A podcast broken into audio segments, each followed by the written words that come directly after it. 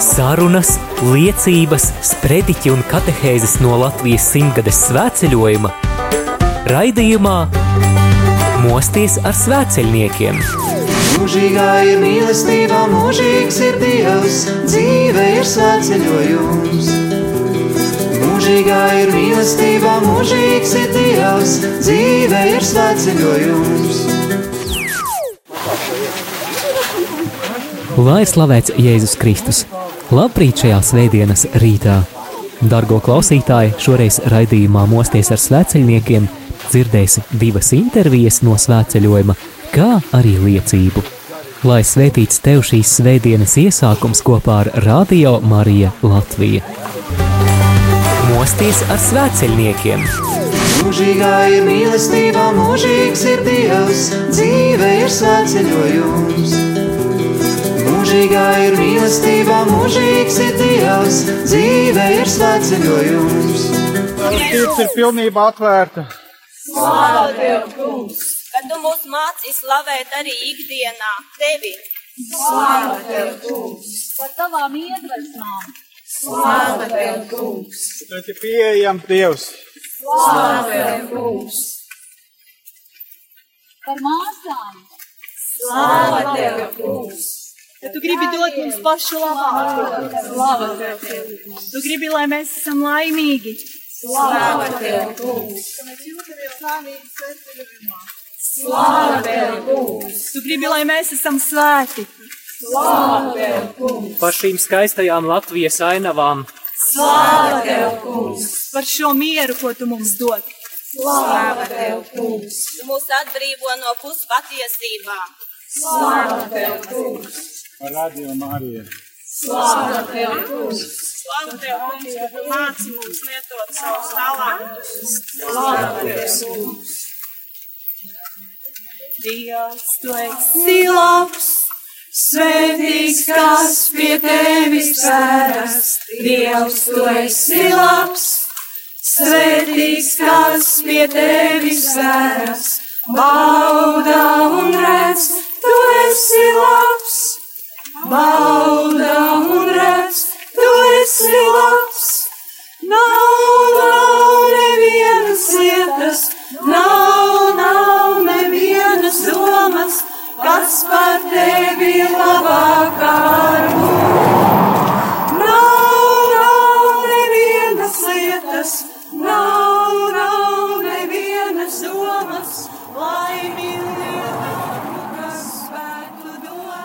Dārgie radio Marija Latvijas klausītāji, joprojām esam svētceļojumā kopā ar simtgades svētceļniekiem šeit Māris Veliks pie mikrofona un prieks vēl kādu radio balsi šeit satikt un tā ir Ilona, lai ir slavēts Jēzus Kristus.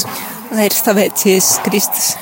Vispirms radio Marija klausītāji un visas komandas vārdā paldies Ilona par šīs sezonas raidījumu. Dievs ir ļoti, ļoti labs, kuru tu koordinēji un arī vadīji. Bet uh, tagad tu esi svētceļojumā, tad nu jautāšu, cik tad jau ilgi svētceļojumā, vai no paša sākuma, vai visu laiku, vai arī tikai kādus posmus? Jā, es gāju pirmās divas nedēļas, tad es biju kādu brītiņu vidzemē, tad es biju kursmē, tur ap liepājas pusi. Un kopumā šobrīd tā ir piektā reize, kad es pievienojos. Cik dienas es nemāku pateikt, nu, kaut kur pie 30 laikam ir kopumā. Tātad apmēram mēnesis pietiekami ilgs laiks, lai jau būtu kaut kādi interesanti piedzīvojumi. Uh, Par ko tu gribētu pastāstīt uh, klausītājiem, kas ir palicis atmiņā, varbūt kāds spilgts atgadījums, notikums vai liecība šī ceļa laikā? Jā, es gribu pastāstīt to, ka es esmu uh, ratiņkrēslā un man ir visu laiku nepieciešama kaut kāda palīdzība un tad man arī visi sveceļojuma dalībnieki cenšas kaut kādā veidā izpalīdzēt, kurš uh, pienes ūdeni, kurš palīdz uz to tikt, kurš uh, stum ratus un šajā karsmā tas nemaz nav tik viegli. Tad atsaucīgi cilvēki, jā? Ļoti atsaucīgi, jā.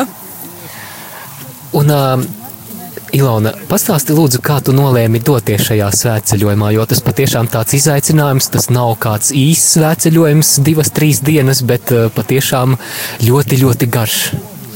Uh, ir tā, ka es eju sveceļojumā trešo reizi, tad, kad es biju vesela, man nebija tam laika un nebija pat tādas domas iet. Un tad, kad es nokļuvu ratiņkrēslā un man piedāvāja priesteris Arnis pirmo reizi doties 16. gadā. Un tā es aizgāju, pirmo reizi var teikt, tā bija tāda pierunāšana, otru reizi es gāju labprāt un Pagājuši gadu, kad priesteris izteica šo ideju par simtgades sveceļojumu, mm, nu, es pacēlu roku un teicu, ka es gatavu palīdzēt un doties šajā sveceļojumā, jo man likās, ka no nu, Latvijai tas ir ļoti nepieciešams pie tam šajā nozīmīgajā Latvijai gadā. Tieši tās lūkšanas par Latviju vajadzīgas. Jā, jā. Un, uh, Ilona, kas ir tās lietas, kuras tu Latvijai gribētu izlūgt? Man gribētos, lai tauta kļūst ticīgāka, lai tauta nebrauc projām no Latvijas, jo mēs gājām garām ciemiem, kur ir tukši. Gājām arī nu, izpostītām mājām ar tukšiem logiem. Un man gribētos, lai tās mājas ir pilnas un lai bērni skraida apkārt. Tā, Tās lietas, kuras tu minēji, tās ir, protams, diezgan skumjas. Šīs tukšās mājas, aizaugušie lauki, bet eh, vai pa ceļam redzēja arī kādas eh, cerību nesošas zīmes? Jā, ļoti daudz. Gan Latvijā, gan Vidzemē, gan Kurzemē. Man liekas, ka šogad ir vienkārši ir dieva žēlstības gads, jo um, tik auglīgu un tik, tik tādu ar tādiem laika apstākļiem gadu es neatceros. Pēdējos gados vismaz nu, tādas siltas lietas, man liekas, lieta tikai manā bērnībā. Unikāli laika apstākļi šogad Latvijā. Bet, uh, Ilona, ko tev pašai svētceļojumi ir devuši tavā dzīvē? Mm, jā, es redzu savas visādus ievainojumus, savas kļūdas. Un, nu, jā, sveceļojums arī dziedē mani iekšēji. Šeit eh, svētceļojumā ir arī īpaši lūkšanu vakari. Es šeit esmu tikai dažas dienas, bet jau esmu piedzīvojis pateicības vakaru, piedošanas vakaru.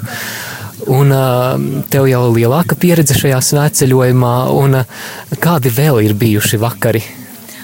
Man visvairāk patika tās, nu, pašā sākumā mēs gājām ļoti maz skaits cilvēku, kaut kādi tur līdz 20, 11. Jā. Un tad mums bija tāda dalīšanās vakaros, katrs ko piedzīvoja, stāstīja, un, un arī tikšanās ar vietējiem iedzīvotājiem. Arī mēs viņiem sniedzām liecības, ko mēs piedzīvojām. Jā. Tas, man, manuprāt, tā evangelizācija bija ļoti, ļoti tāda auglīga. Es eh, redzu, ka šeit eh, dažiem svēceļniekiem ir sarulētas tādas eh, vēstules.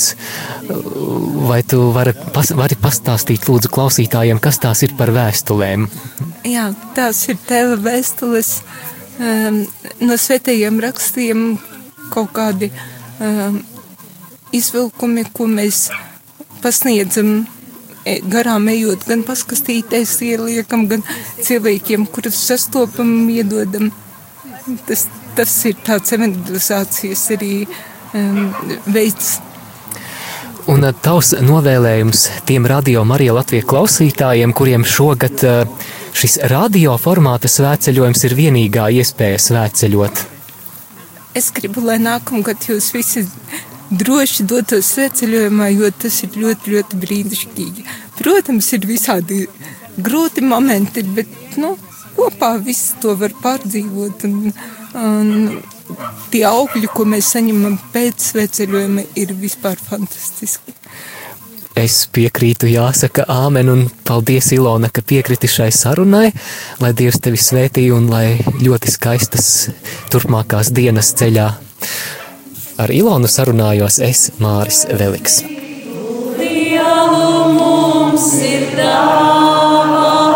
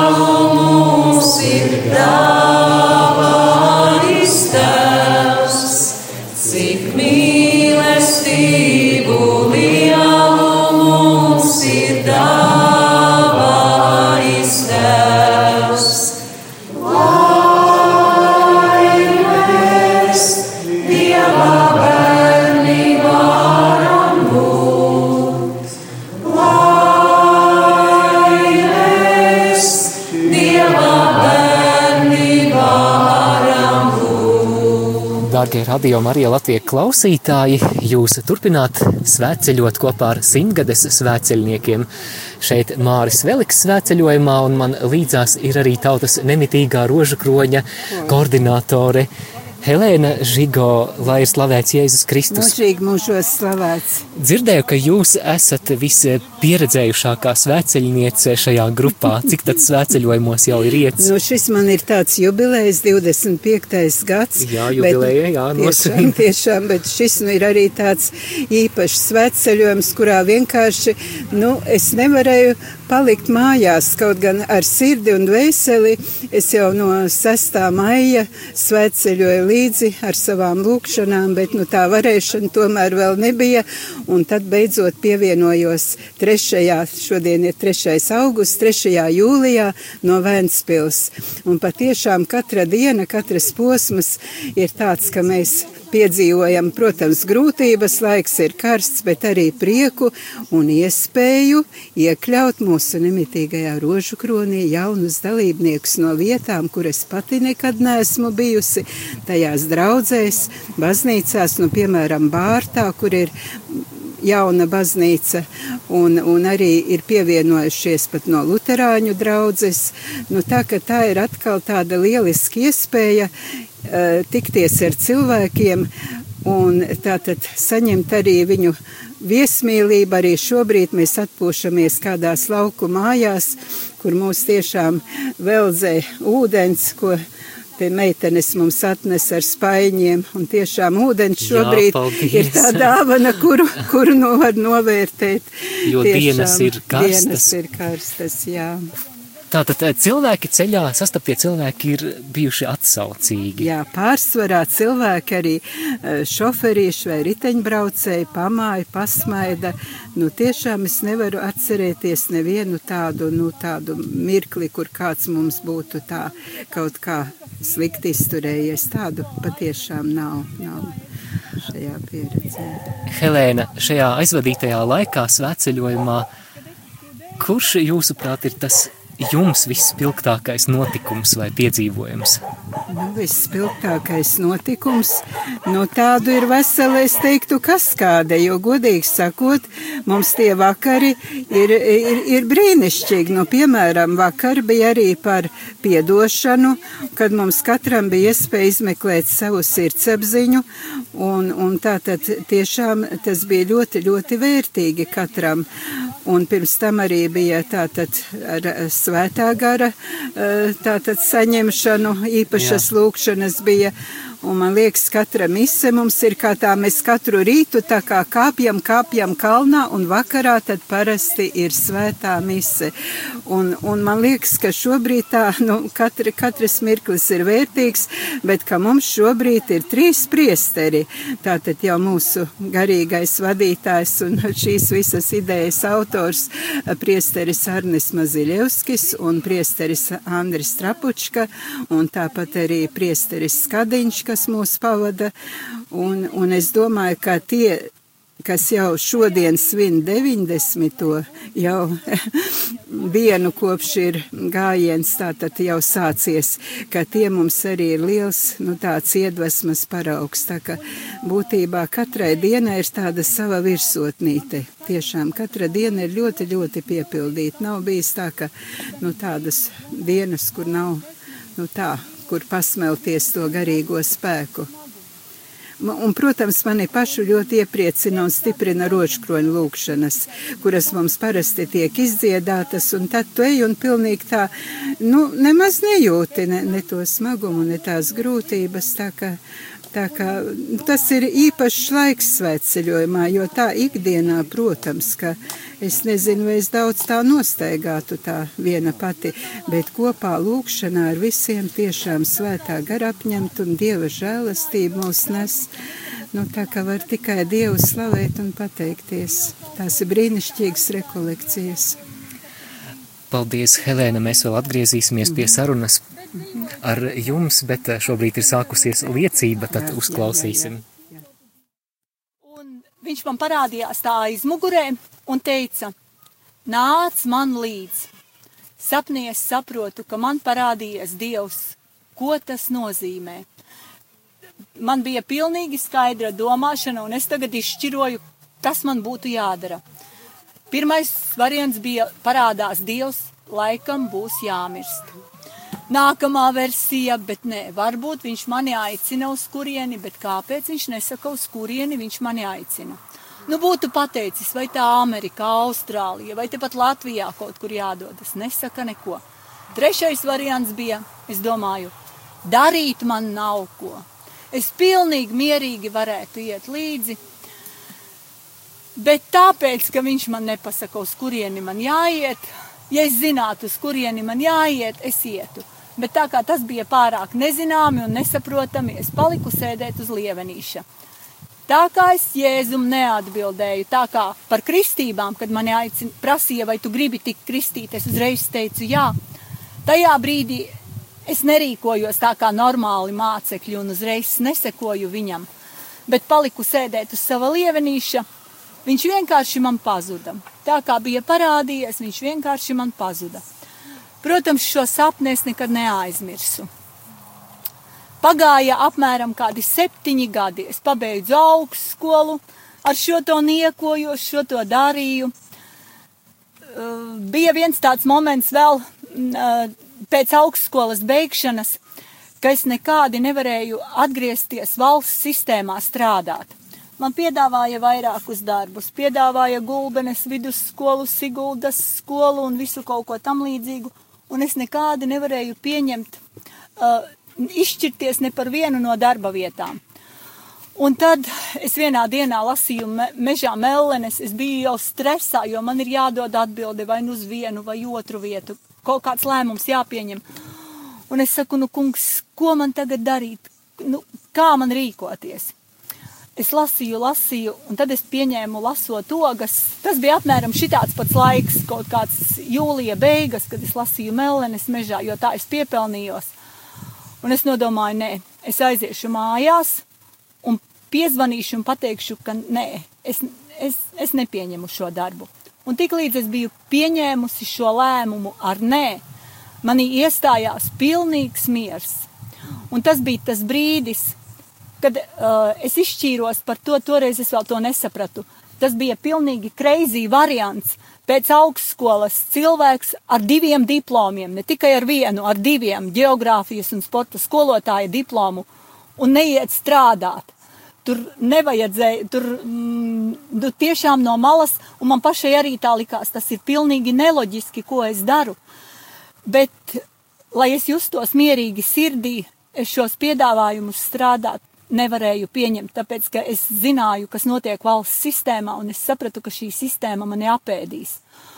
Un pēc daudziem gadiem tikai es sapratu vēl vienu lietu, ka tad jau man bija tādas ilgas pēc brīvības, un ka es šo brīvību ne, neiemainīju tādā sīknaudā. Dievs man pēc tam deva darbu, bet privātu skolā, kur es varēju pēc savas kristīgas pārliecības strādāt.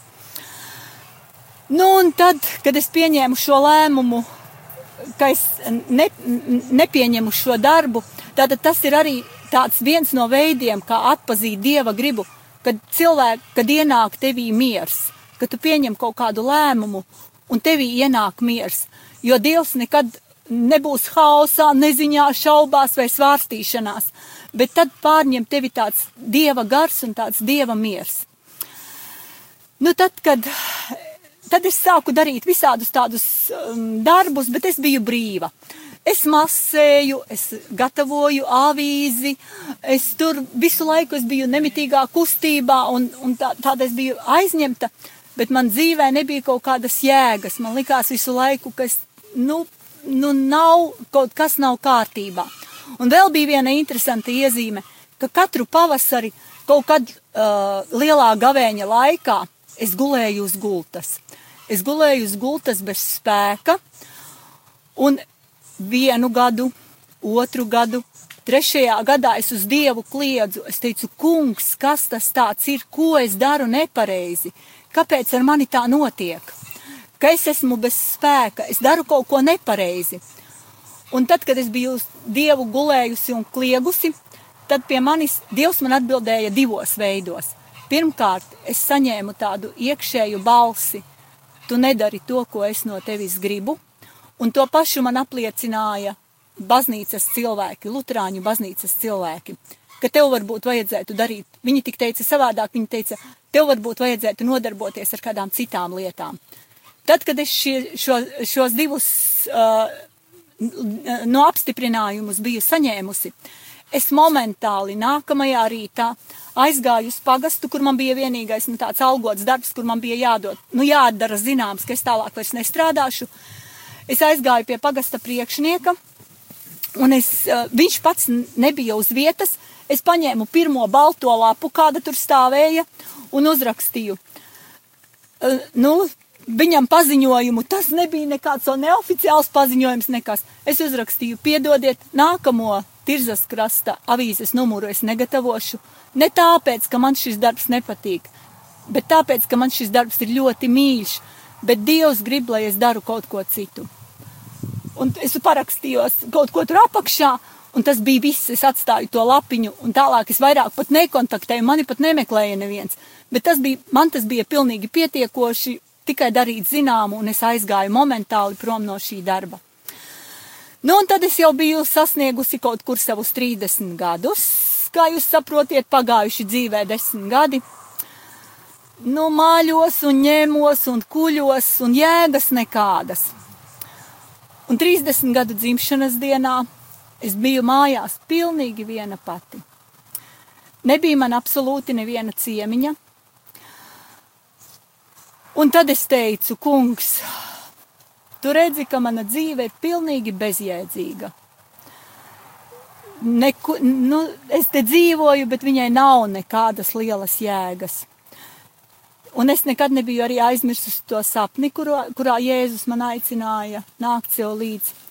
Un tas bija pirmais uh, akts manā dzīvē, kad es atdevu savu dzīvi Jēzum par tādu kā vēl, savas dzīves veltīšanu Jēzum. Es tagad tikai te staigāju un stāstu, ka kaut kas tāds notiek, bet toreiz es neko tādu nezināju.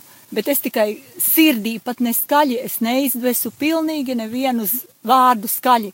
Es teicu, kungs, tagad es tev atļauju kārtot savu dzīvi. Tu redzi, man nekas prātīgs nav sanācis, tagad šo dzīvi veidotu. Pēc trīs dienām, tā arī bija, man liekas, piekdiena, pēc trīs dienām momentāli sākās dieva darbība. Jo mani visu laiku tirzas draudzē aicināja, lai es esmu draudzes padomē. Un es teicu, nē, un nē, un kas es tāda, un ko es tur protu, es neko nevaru, un es neko, mm, nu, man nav nekādas izglītības, nu, ko es tur zinu, un tā. Un es nepiekritu, un nepiekritu, un nepiekritu. Un svētdien es zināju, ka svētdien dievkalpojumā būs mācītājs draudzes padomis svaidīs reļu. Un tagad es zināju, ka man ir jāpaspēj aiziet, nu, lai, ja es ieradīšos tur uz to pasākumu, uz to procedūru, tad es, tas būs mans jā. Un toreiz es vēl gāju uz baznīcu vienmēr ar nokavēšanos. Man vienmēr pietrūka kādas 10-15 minūtes, es iegāju jau dievkalpojums bija sācies. Un es, protams, arī tajā svētdienā ieju, Baznīcā dievkalpojums jau ir sācies, visa draudzes padome stāv pie altāra, un es tagad atveru durvis un saprotu, tagad man ir jāaiziet cauri tai visai baznīcai, jānostājas pie tiem cilvēkiem, un visi uz mani skatīsies. Bet tas bija ļoti zibenīgs, zibenīgs lēmums. Es saņēmu dušu un izgāju cauri. Tas bija mans jā, tas bija mans kārtējais jā, kad es teicu Dievam, jā, kungs, es pieņemu šo aicinājumu kalpot, un es tam piekrītu.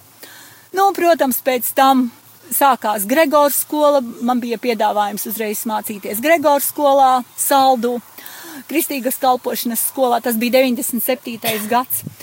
Un tad tie bija bezgala skaisti tādi deviņi formācijas mēneši, nu, tādā, es viņu nosaucu tajā laikā par tādu ļoti lielu mīlestības skolu, apmēram tā kā es tagad nosauktu arī Marijas skolu.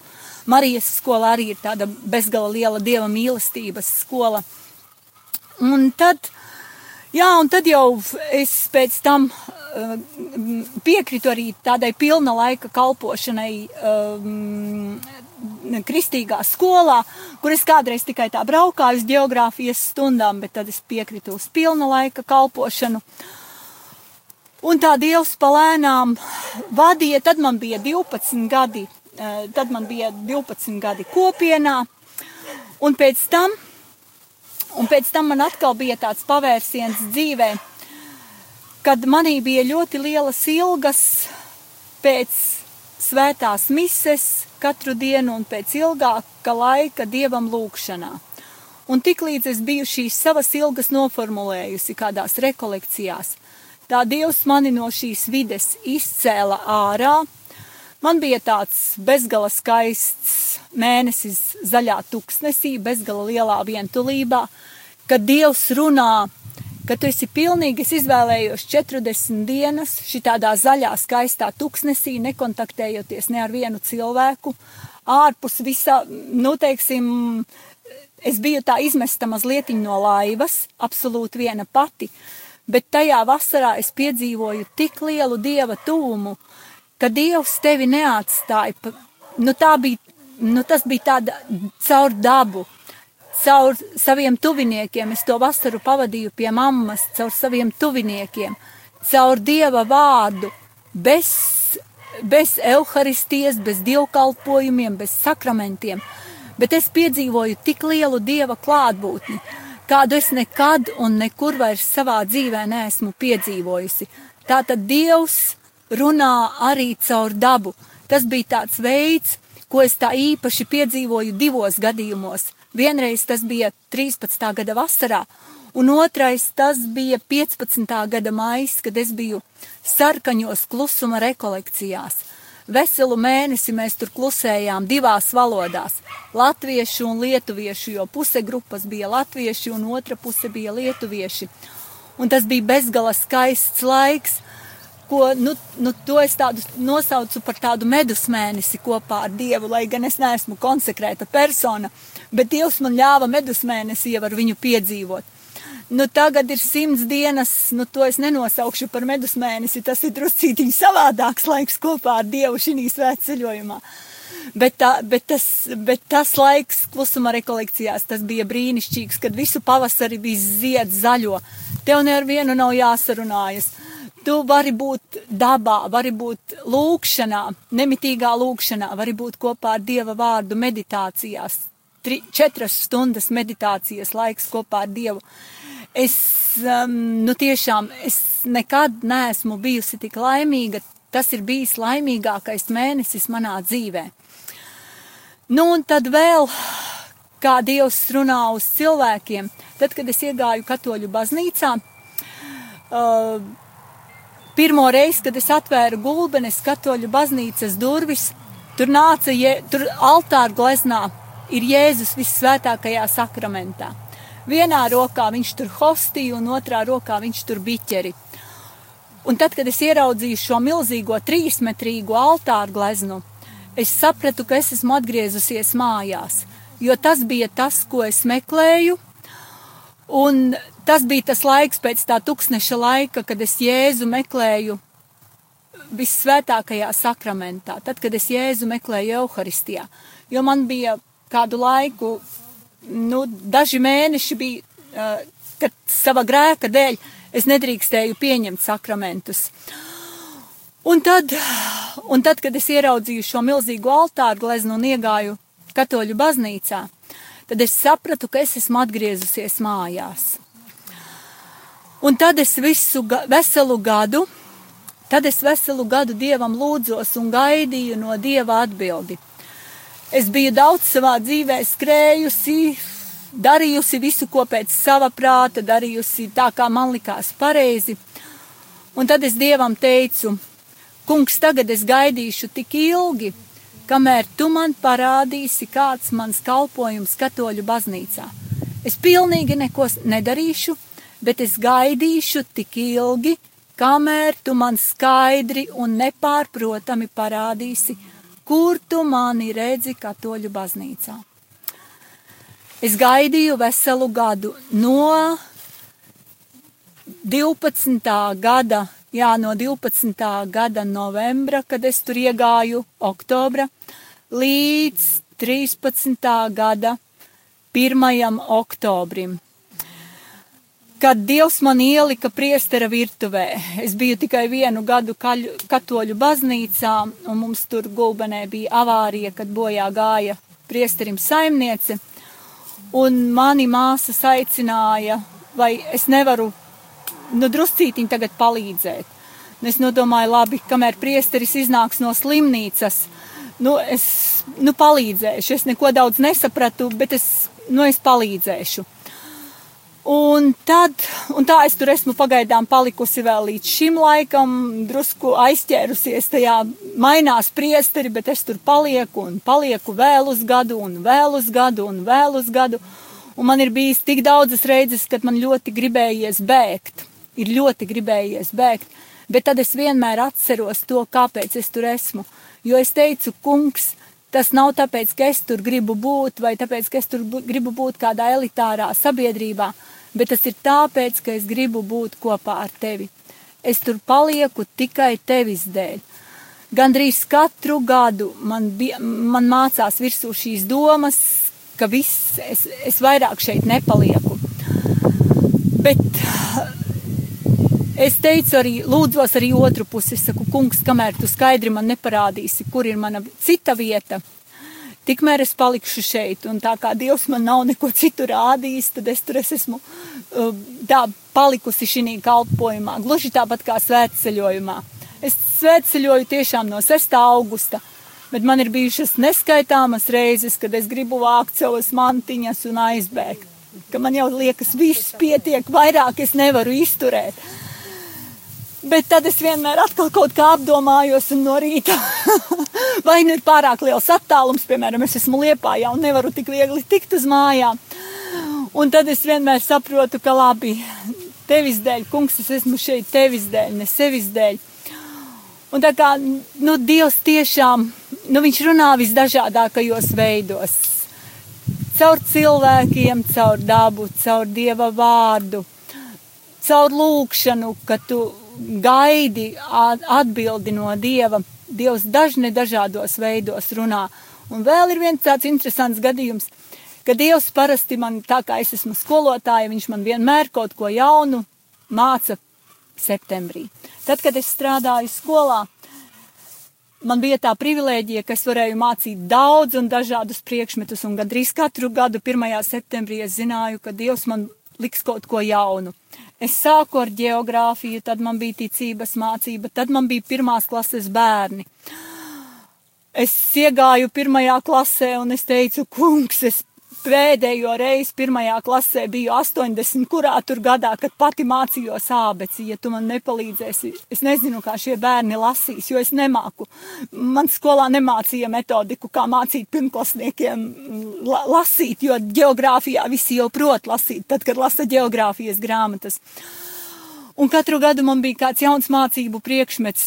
Tad katru gadu tagad Gulbenes baznīcā arī mainās priesteri, un katru gadu es Dievam septembrī atkal uzdodu jautājumu, kungs, ko tu man gribi atkal jaunu mācīt? Un šogad es atkal, šogad es atkal zinu, ka tuvojas 1. septembris, un pagaidām es nezinu, ko Dievs man jaunu grib mācīt, bet es zinu, ka es viņam jau vairs šo jautājumu nejautāju, zinu, ka būs kaut kas jauns manā dzīvē. Paldies!